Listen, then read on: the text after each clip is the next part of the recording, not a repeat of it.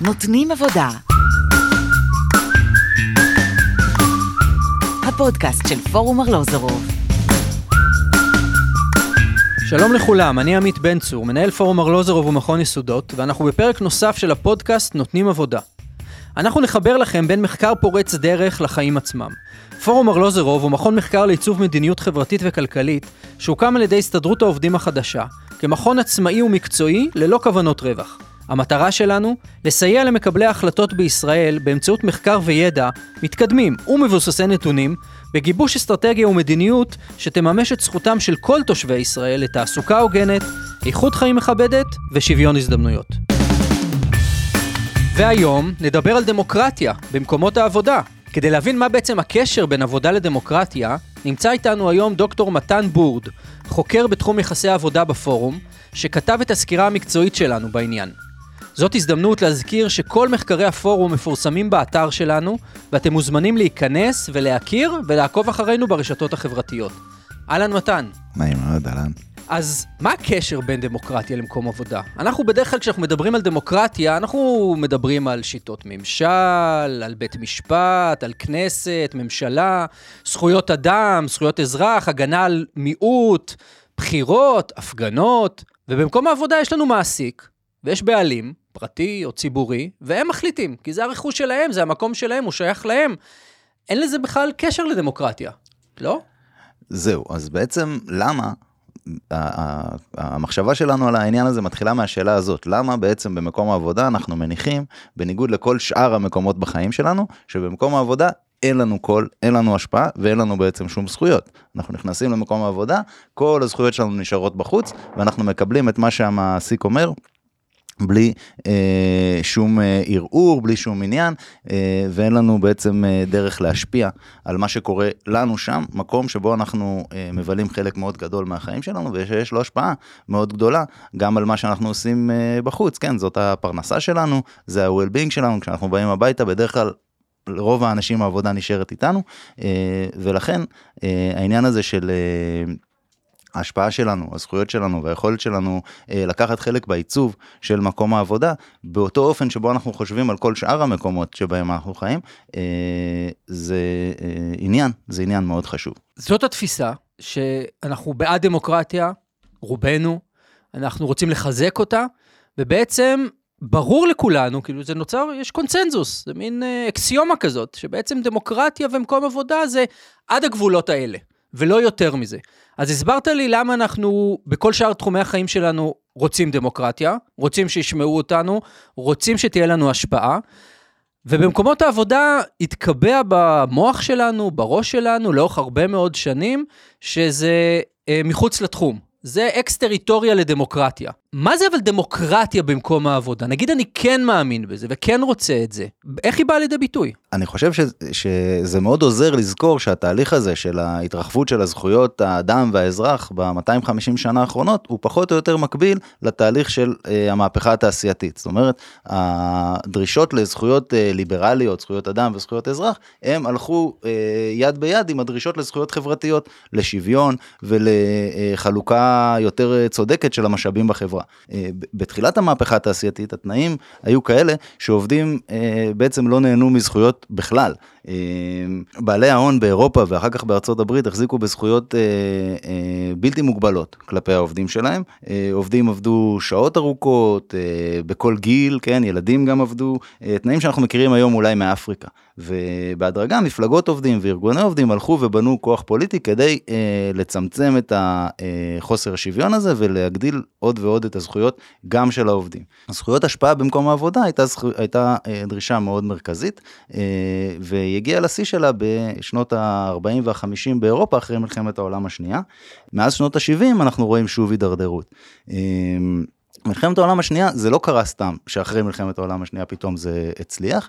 אה, מלחמת העולם השנייה פגעה מאוד בכוח הפוליטי של הימין של ה... אה, ושל בעלי ההון שבעצם אה, מימנו אותו, גרמה להם להיכנס לאיזושהי סוג של פשרה מעמדית שהגדילה מאוד את הזכויות של העובדים באירופה ובין השאר גם את היכולת שלהם להשפיע ואת הדמוקרטיה במקום העבודה. זאת אומרת אחת התובנות, אחת המסקנות ממלחמת העולם השנייה וכל התהליכים שקרו לפני זה שהובילו למלחמת המלחמה הזאת הייתה בעצם שצריך מדינה שמספקת יותר שירותים לאזרחים שלה.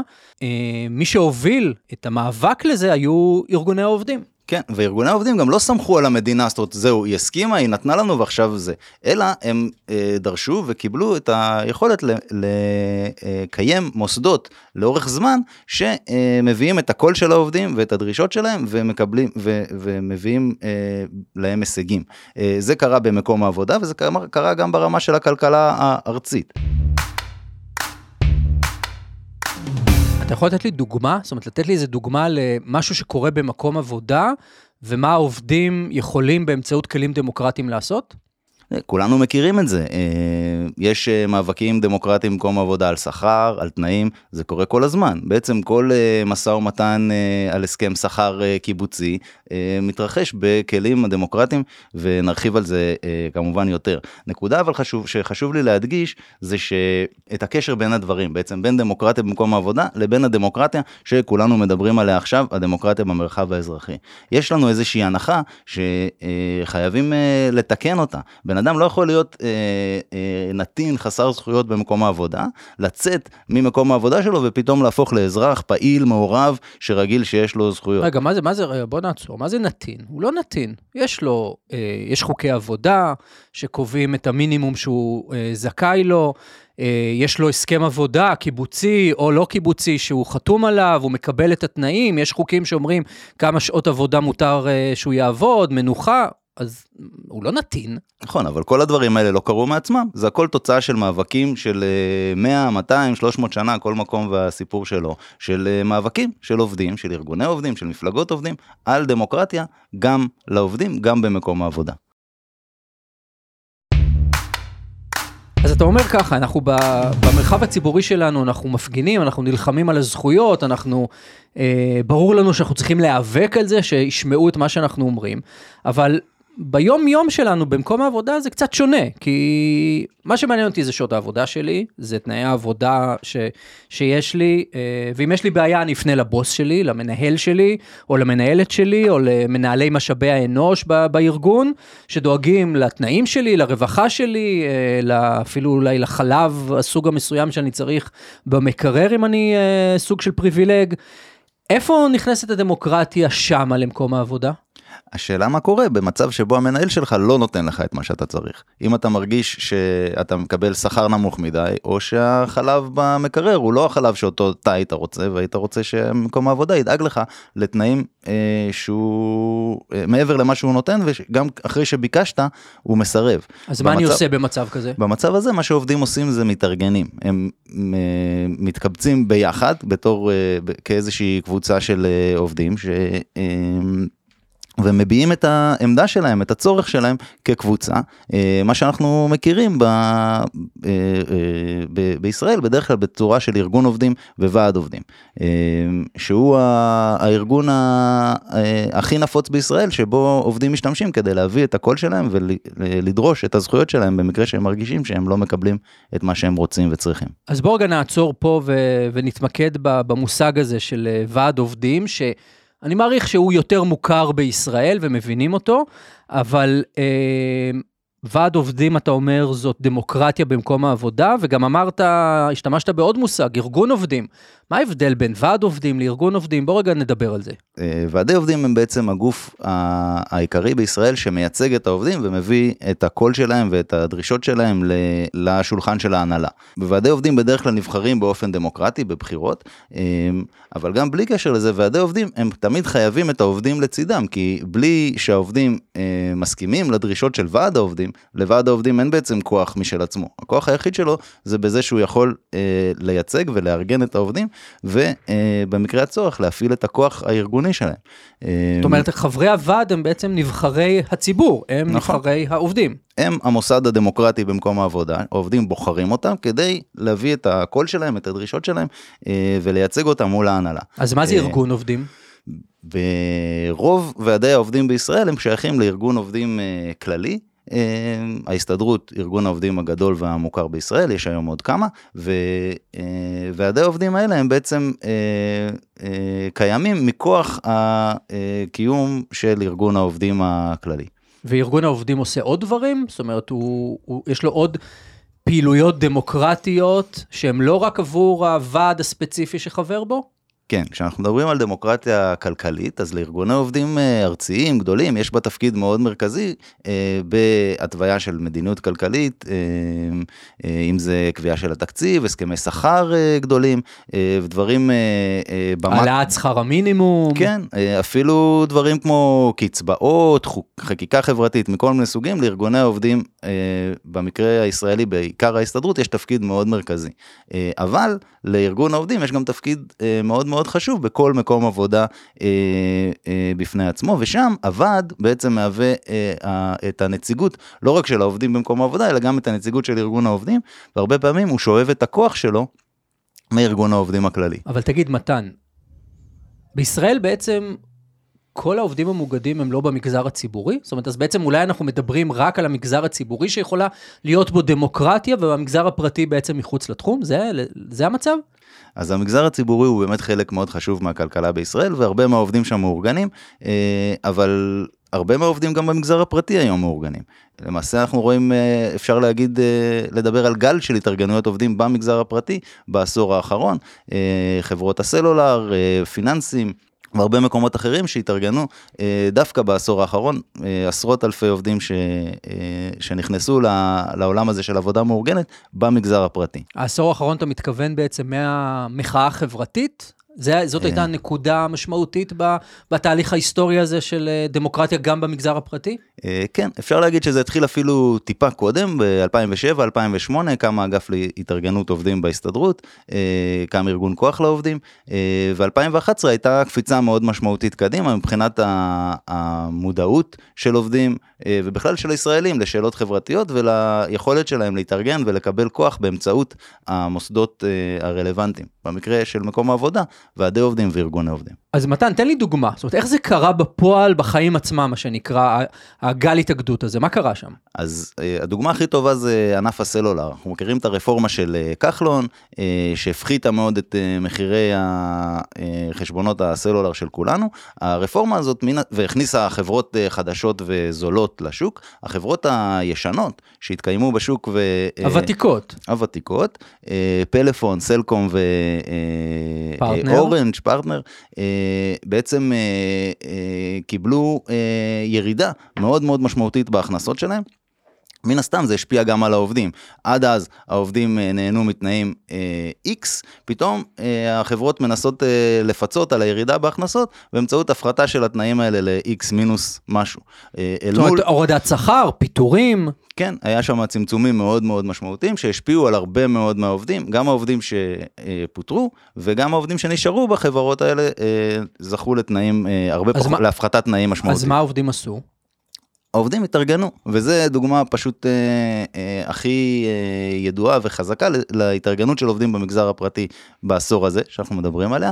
אה, בתהליך אה, די מהיר, כל חברות הסלולר הוותיקות, אותן חברות אה, התאגדו ב, בארגוני העובדים בישראל, ובעצם אה, אה, דרשו וקיבלו הרבה מהתנאים אה, אה, ובעיקר השפעה, פשוט השפעה על האופן שבו אה, הבנייה אה, מחדש של החברות האלה בתנאי שוק מאוד מאוד שונים אה, קרתה. עד היום החברות האלה מאורגנות ואלה חלק מהוועדים, כמה מהוועדים החזקים היום בשוק הפרטי בתחום הסלולר.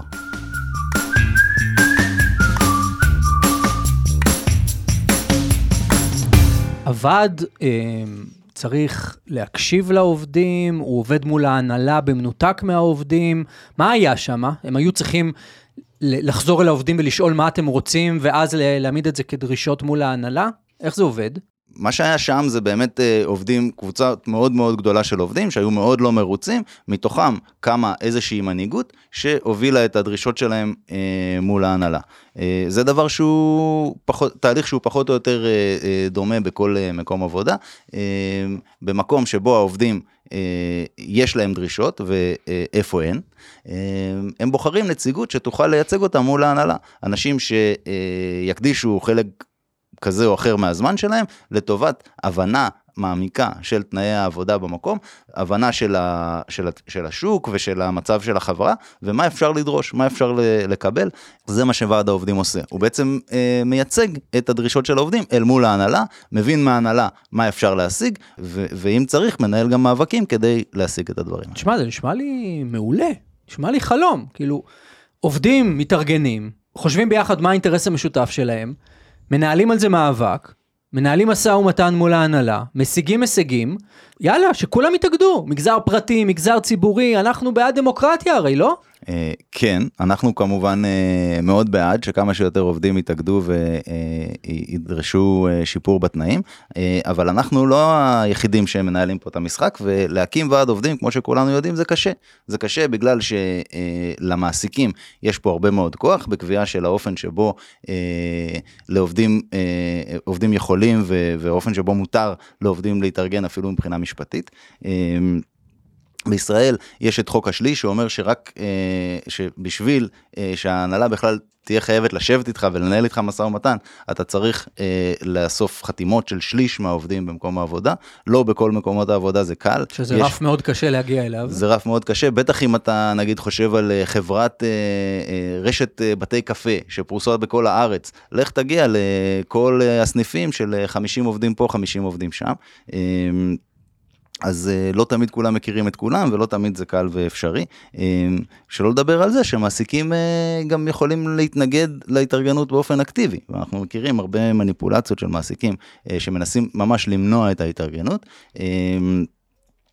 אם נחזור לדוגמה שדיברנו עליה קודם, של ההתארגנות בחברות הסלולר, אז חברת פלאפון אה, התנגדה באופן מאוד מאוד אקטיבי, המנכ"ל ממש דיבר אה, בגלוי אה, נגד ההתארגנות, ובעקבות אה, אה, גם שינויי חקיקה שעברו באותם, באותו זמן, וגם פסק דין אה, תקדימי שניתן בנושא פלאפון אה, באותו זמן, בעצם החוק היום והפסיקה בישראל היום אוסרת על הנהלה להתערב בהתארגנות עובדים. זאת אומרת, הנהלה לא יכולה למנוע באופן אקטיבי מעובדים במקום העבודה שלה להתארגן, אסור לה. היא יכולה, אבל אסור לה. זאת אומרת, okay. אוקיי. אם היא עושה את זה, זה לא חוקי והעובדים יכולים אה, אה, אה, לתבוע אותה על זה, ובית הדין אה, יכול להשית עליה סנקציות, וזה קורה. אה, אנחנו רואים למשל, אני יודע, אני קורא כל הזמן, יש התארגנויות נגיד בארצות הברית של בתי קפה קטנים בסטארבקס. כן. אה, אמזון שפתאום אה, בעקבות הקורונה, שכמות העובדים שם עלתה בצורה משמעותית, גם בפעם הראשונה, אחרי מאבק מאוד מאוד קשה, הצליחה להקים אה, ארגון אה, אה, יציג. זה קורה גם בעולם. נכון, זה קורה בעולם, אה, עובדים, יש היום בארצות הברית, אנחנו עדים לאיזשהו סוג של גל של התארגנות עובדים, שקצת מקביל למה שקרה פה בעשור האחרון.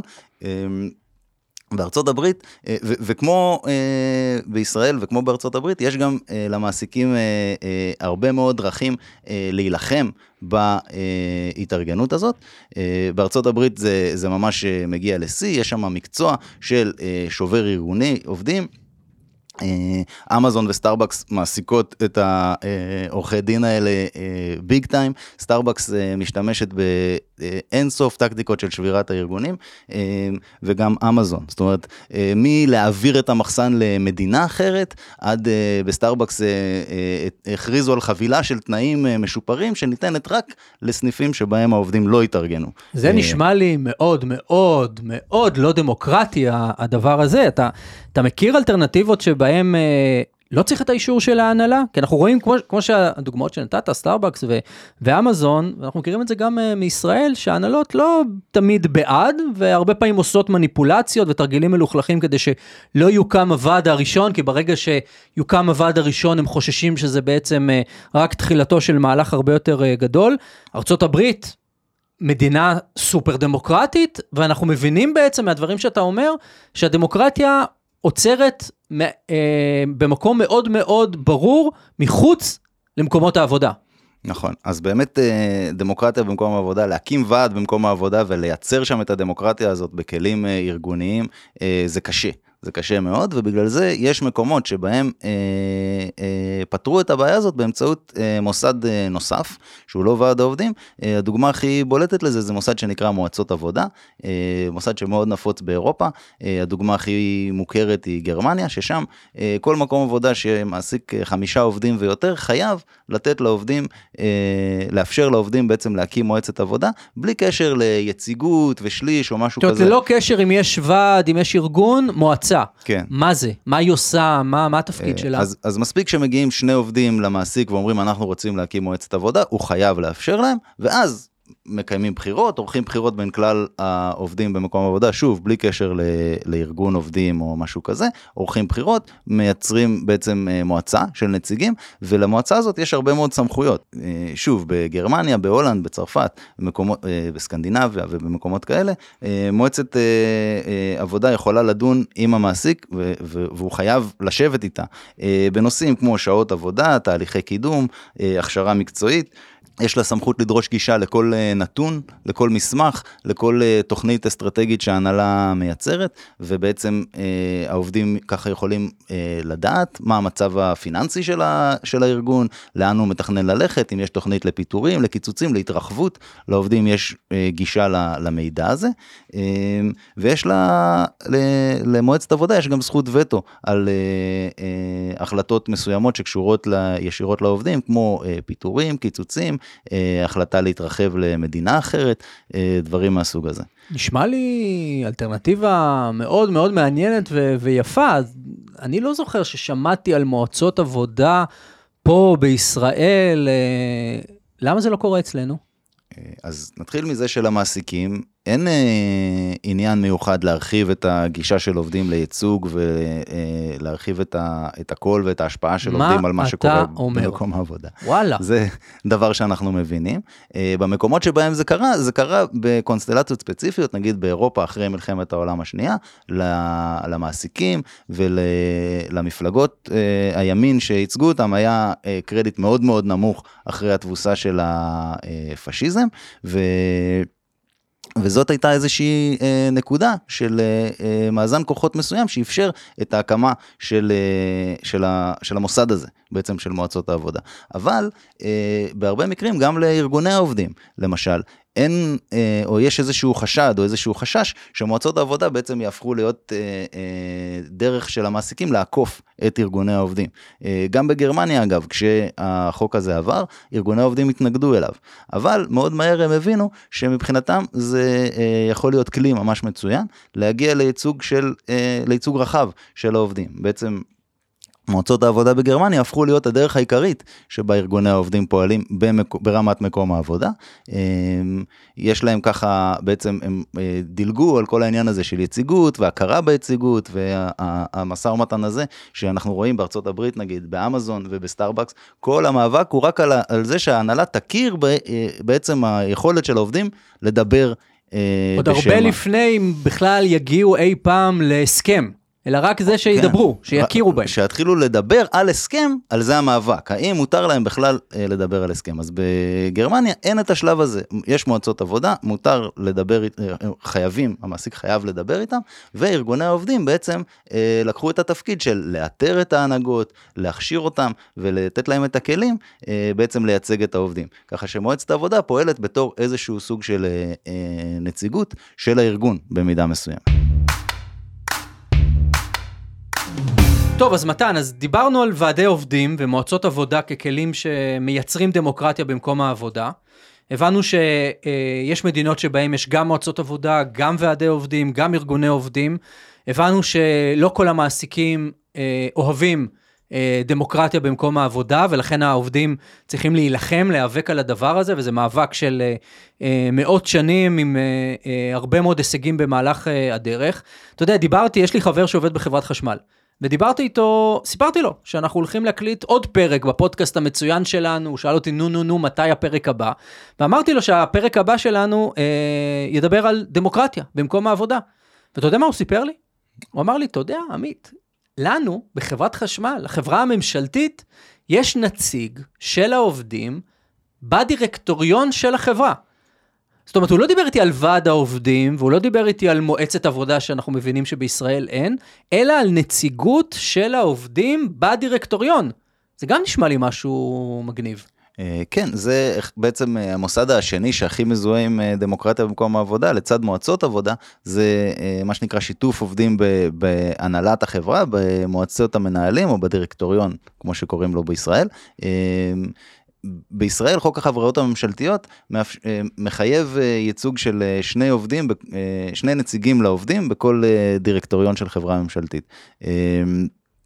הדירקטוריון בדרך כלל מורכב מעשרה, 12 אה, נציגים, ככה ששני הנציגים האלה הם בהכרח אה, מיעוט מאוד קטן. אה, אבל אנחנו מכירים דוגמאות, ושוב, אם נחזור לאירופה, שבהם בשוק הפרטי ובמגזר הציבורי כאחד, חברות חייבות לתת ייצוג לעובדים שבין שליש לחצי ממועצת המנהלים, מורכב בעצם מנציגים של העובדים שנבחרים בצורה דמוקרטית על ידי העובדים. רגע, אז בוא, בוא רגע נתחיל מהבסיס. איך בוחרים מי יהיה הנציג של העובדים בדירקטוריון אה, של החברה הממשלתית? איך זה עובד? אז בישראל החוק והתקנות של שירות המדינה אה, מחייבות אה, תהליך מאוד אה, ברור ומפוקח לבחירות האלה. אה, כל העובדים בחברה, בין אם הם חברים בארגון עובדים ובין אם הם לא, אה, יכולים לקחת חלק בבחירות. אה, ב, אה, בישראל בעצם החוק אה, מכיל את זה רק על אה, חברות אה, גדולות שמעסיקות 200 עובדים ומעלה, ובאמת אנחנו רואים מתוך 100 חברות הממשלתיות משהו כמו 25-30 חברות שהחוק הזה חל עליהם ושאכן יש להם נציגים, יש לעובדים בהן נציגים בדירקטוריון, באמת חברת החשמל זה דוגמה מצוינת, תעשייה אווירית, רכבת ישראל, אה, החברות הממשלתיות הגדולות. בתהליך של הבחירות אצלנו אני יודע שיש גם אה, אגף בתוך ההסתדרות שהוא בעצם מלווה את כל תהליכי הבחירות האלה, נכון? נכון, האגף, אה, בגלל שרוב החברות האלה, כמעט כולן, אה, אה, מאוגדות במסגרת ההסתדרות, אה, להסתדרות יש אגף, אה, דמוקרטיה, האגף לדמוקרטיה תעשייתית, שזה אחד התפקידים המרכזיים שלו, לדאוג לניהול של הבחירות האלה, ובעצם לדאוג לזה שלעובדים יהיה, יממשו את הייצוג שמגיע להם במסגרת החוק. אמרת שזה שניים מתוך דירקטוריון של נגיד 12. זה יפה. כן. זה שניים, זה יותר מאחד ויותר מכלום, אבל מה הם יכולים לעשות? כמה כוח באמת יכול להיות להם בתוך דירקטוריון כזה? אז באמת אה, אה, הם כמובן לא יכולים אה, להעביר החלטות בעצמם, בעצם זה שיש להם מיעוט כזה קטן מכלל הנציגים, אבל כן בתור דירקטורים יש להם גישה למשל למידע שבדרך כלל לעובדים מאוד קשה להשיג אותו, כל, התוכני, כל הדוחות הפיננסיים של החברה, כל התוכניות האסטרטגיות, העובדים הם שם, יושבים ליד השולחן ויש להם חלק, זאת אומרת הם מקבלים גישה למידע הזה ויכולים להעביר אותו לוועד העובדים, לאספת העובדים, וככה העובדים יכולים בעצם לדעת מה קורה. אמ, והם יכולים להשמיע את הקול הזה של העובדים אה, לחברי הדירקטוריון, יכולים להיות מקרים שבהם חברי הדירקטוריון אה, אה, אה, יבינו, אה, ישמעו את כל העובדים ויקבלו את הדרישות שלהם. אה, במקרים אה, יחסית נדירים שיש איזשהו ויכוח או אה, מחלוקת בתוך הדירקטוריון, העובדים יכולים להיות ממש לשון מאזניים ולהכריע בקבלת ההחלטות. הדוגמאות שנתת, אנחנו אמרנו נגיד בחברת חשמל, ברכבת ישראל, אבל גם בתעשייה האווירית, זאת אומרת יש לנו פה חברות ממשלתיות שהן גם...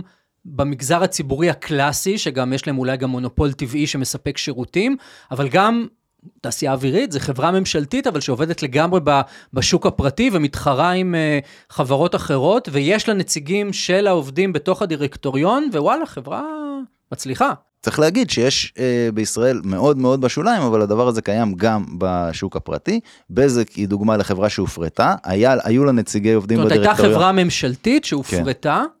וזק הייתה חברה ממשלתית שהופרטה ושמרה על המודל הזה של נציגי עובדים בדירקטוריון גם כחברה פרטית. אה, עוד חברה שבה זה אה, קרה אחרי מאבק זה חברת צלקום אה, שבה ועד העובדים דרש וקיבל ייצוג לנציג משלו בדירקטוריון החברה במסגרת של הסכם קיבוצי, זאת אומרת מעבר לחוק. נגיד סלקום חברה פרטית לחלוטין, חברה ציבורית. אה, וזה קרה לא מזמן, זאת אומרת, כן. זו התפתחות די חדשה וגם די ייחודית. כן, ב-2020 אה, זה קרה בסלקום במסגרת של אה, דרישה של העובדים במאבק. תשמע, זה ממש ממש מעניין, נראה לי שדיברנו על כל האפשרויות של העובדים אה, לנהל או לחזק או להגביר את הדמוקרטיה במקומות העבודה. רגע, אבל יש את המערכת בעצם הכי דמוקרטית, שעליה לא דיברנו, וזה בעצם הבעלות, שמרת את זה לסוף. שמרתי לסוף. וואלה. זה הבעלות אז של בוא העובדים. תגלה לנו. בעלות של עובדים על מקום העבודה שלהם. מה שאנחנו מכירים ב, אה, בשם קואופרטיב, בעצם חברות שהן נמצאות בבעלות העובדים, העובדים אה, בצורה אה, דמוקרטית מקבלים את כל ההחלטות האסטרטגיות, הניהוליות, ממנים את מנהלי החברות, וגם במידה ויש רווחים, אז הם משתתפים ברווחים בצורה שווה. זאת אומרת, אין מנכ"ל שמרוויח אה, 2 מיליון שקל ועובד שמרוויח שכר מינימום, אלא הרווחים מתחלקים בהתאם להחלטה של העובדים, איך שהם רוצים שזה יתחלק. כי בעצם הם גם הבעלים וגם העובדים. כן, אז אין בעצם את כל העניין הזה של אה, דיבידנדים וחלוקת רווחים, העובדים הם הבעלים של החברה, וככה או אחרת ההכנסות אה, מתחלקות ביניהם. והקואופרטיבים האלה, שהם, כמו שתיארת את זה, הם אה, המיצוי הכי משמעותי של דמוקרטיה במקום העבודה, הקואופרטיבים האלה הם, הם טובים כלכלית? זאת אומרת, אני מבין שהם טובים אולי דמוקרטית, אבל כשאתה משווה אותם לחברות שהן לא אה, קואופרטיבים, מה אנחנו מגלים? השורה התחתונה היא שכן, שקואופרטיבים אה, יכולים להיות ולפעמים אפילו אה, יכולים להיות אה, מאוד מוצלחים מבחינה כלכלית, אפ- לפעמים אפילו יותר טובים מחברות פרטיות שעובדות, ש, ש, ש, ששוות אליהם, שניתנות להשוואה ולפעמים אליהם. פחות, זאת אומרת, הן מתנהגות כמו חברה עסקית לכל דבר, עם מאפיינים ייחודיים של בעלות של עובדים על החברה, של אה, תהליכי קבלת החלטות אחר, אחרים אה, אה, משמעותית, שהמטרות שעומדות לנגד העיניים הן שונות, כי אנחנו יודעים שקואופרטיבים הרבה פחות ממהרים לפטר עובדים ויותר נכון. אה, לקצץ שכר לתקופות אה, מסוימות כשיש, אה, כשיש בעיות. אנחנו יודעים אה, שבמשבר הפיננסי הגדול ב-2008, אז אה, הבנקים שקרסו בארצות הברית, הבנקים הקואופרטיביים או אגודות האשראי הקואופרטיביות לא קרסו, כי הן היו, ניהלו את הסיכונים שלהם בצורה הרבה יותר אה, אה, שקולה ו- ומדודה. אלה היתרונות, להקים קואופרטיב, לנהל קואופרטיב זה מאתגר, לנהל דמוקרטיה זה מאתגר. אה, אוקיי, כן, אז אנחנו רואים בח... במדינות או בסביבות שבהם אה, קואופרטיבים מקבלים עידוד ותמיכה אה, מסוימים, אה, קואופרטיבים יכולים מאוד מאוד להצליח. יש דוגמה, הדוגמה הכי ידועה היא אולי זה תאגיד מונדרגון מצפון ספרד, חבל הבסקים, ששם החברה היא בעצם מבוססת על הקהילה. אה, איזושהי אה, קבוצה של אה, עיירות, כפרים, שהקימו אה, תאגיד שהיום הוא מאוד מאוד גדול ומצליח, אה, מייצר אה, כל מיני מוצרים מאלקטרוניקה ומוצרי חשמל. אה, עשרות אלפי עובדים. עשרות אלפי עובדים, אה, חלק מהתאגיד כבר אה, נמצא מעבר לים, זאת אומרת אה, זה אה, הופך להיות אה, תאגיד אה, אה, בעצם קואופרטיבי, אבל שנמצא במסגרת השוק הגלובלי ומתחרה ובהצלחה. אה, וגם אה, נותן. שירותים לקהילה, לא רק מקום העבודה וה, וההכנסות כתוצאה מזה, אלא שירותים קהילתיים, שירותי רווחה, בריאות, חינוך. נכון. התאגיד, זאת אומרת, הוא גם בעצם ממנף את ההצלחה הכלכלית, אה, גם בשביל אה, אה, חלוקת הרווחים וההכנסות בין העובדים בצורה שווה, ו- אבל בגלל שהבעלות על החברה היא של העובדים, אז התאגיד גם מתנהל כאילו העובדים הם לא רק באים למקום העבודה ואחרי זה הוא שוכח מהם, אלא הוא זוכר שהעובדים הם בני אדם גם כשהם לא בעבודה, והתאגיד בעצם נותן מענה לצרכים מאוד מגוונים שלהם. הצרכים האלה גם חוזרים על התאגיד, כי התאגיד משקיע במערכת החינוך, העובדים, אה, הילדים של העובדים האלה גדלים, הופכים להיות אה, עובדים בתאגיד ובעצם נותנים לו עוד ערך. אה, מהבחינה הזאת, אה, זה דוגמה מאוד מאוד מוצלחת לאופן שבו קואופרטיב יכול אה, גם לשרת את הקהילה ואת העובדים שלו וגם אה, אה, לייצר בצורה יעילה וכל מה שאנחנו מכירים מהכלכלה הפרטית. תשמע, מתן, שכנעת, אותי שכנעת, מודה. הגעתי. קצת ספקן, למדתי ממך ושכנעת אותי, וזה נראה לי שהשלב הבא זה שאנחנו צריכים להילחם, להיאבק ביחד, כולם, על דמוקרטיה בכל מקומות העבודה. לגמרי. דוקטור מתן בורד, היה ממש ממש מעניין ו- ו- ונחמד לדבר איתך פה, למדתי המון, תודה רבה. תודה רבה. ומאזינים יקרים, אם נהניתם מהפרק הזה, מהדברים של מתן, אה, אתם מוזמנים לעקוב אחרינו, אה, לדרג אותנו בכל פלטפורמות הפודקאסטים האהובות עליכם, לשתף את הפרקים שלנו, כדי שגם אחרים יזכו ליהנות לא פחות מכם, אתם יודעים, דמוקרטיה. נתראה בפרק הבא, להתראות. להתראות. כדי לשמוע עוד, חפשו אותנו ברשתות החברתיות וכנסו לאתר ארלוזפורום.org.